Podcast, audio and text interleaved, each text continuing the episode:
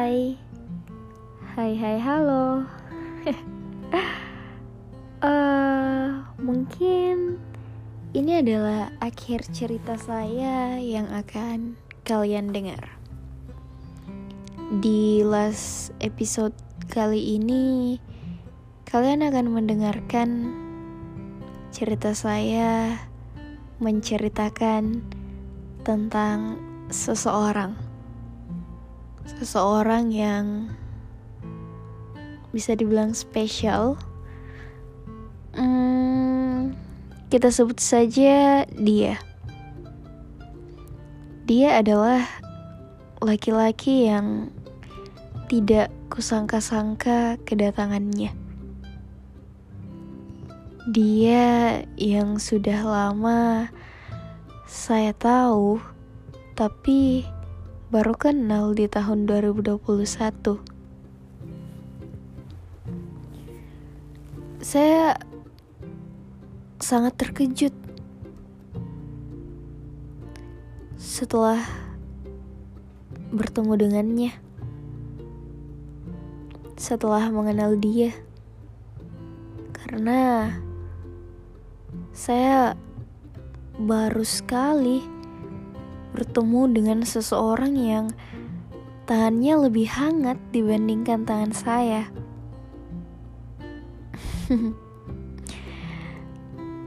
Dia mempunyai mata elang.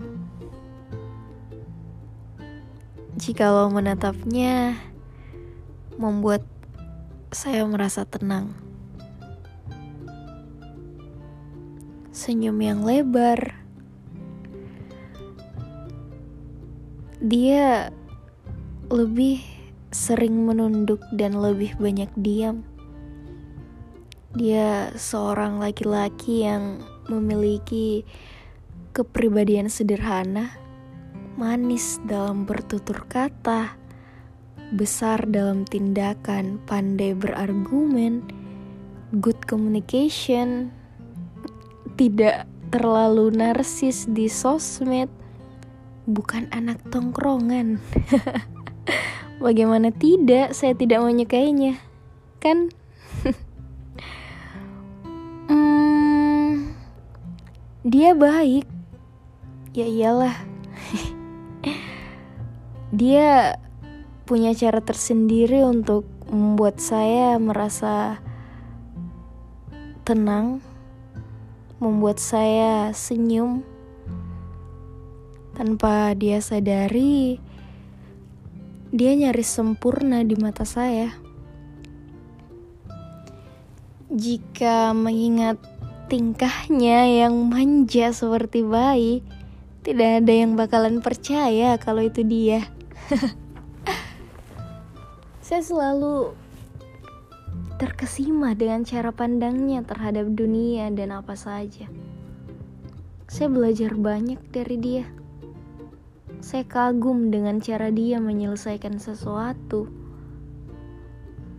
Tapi asal kalian tahu ya, dia dan saya ini tidak mempunyai hubungan.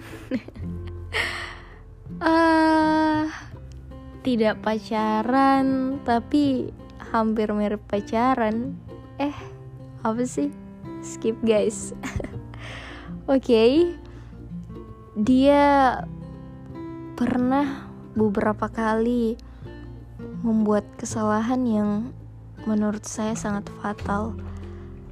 Tetapi tanpa dia sadari, saya telah tiba pada titik di mana saya tidak keberatan lagi dengan perlakuannya.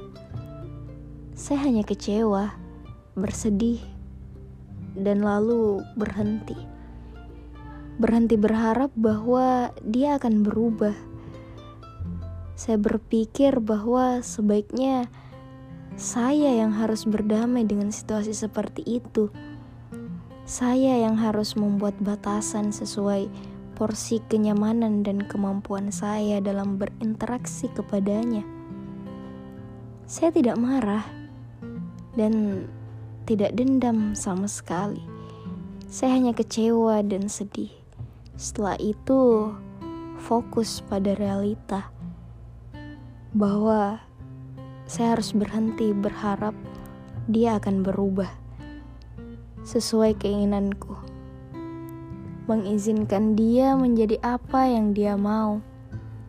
Dan saya melanjutkan hari-hari saya tanpa ekspektasi padanya.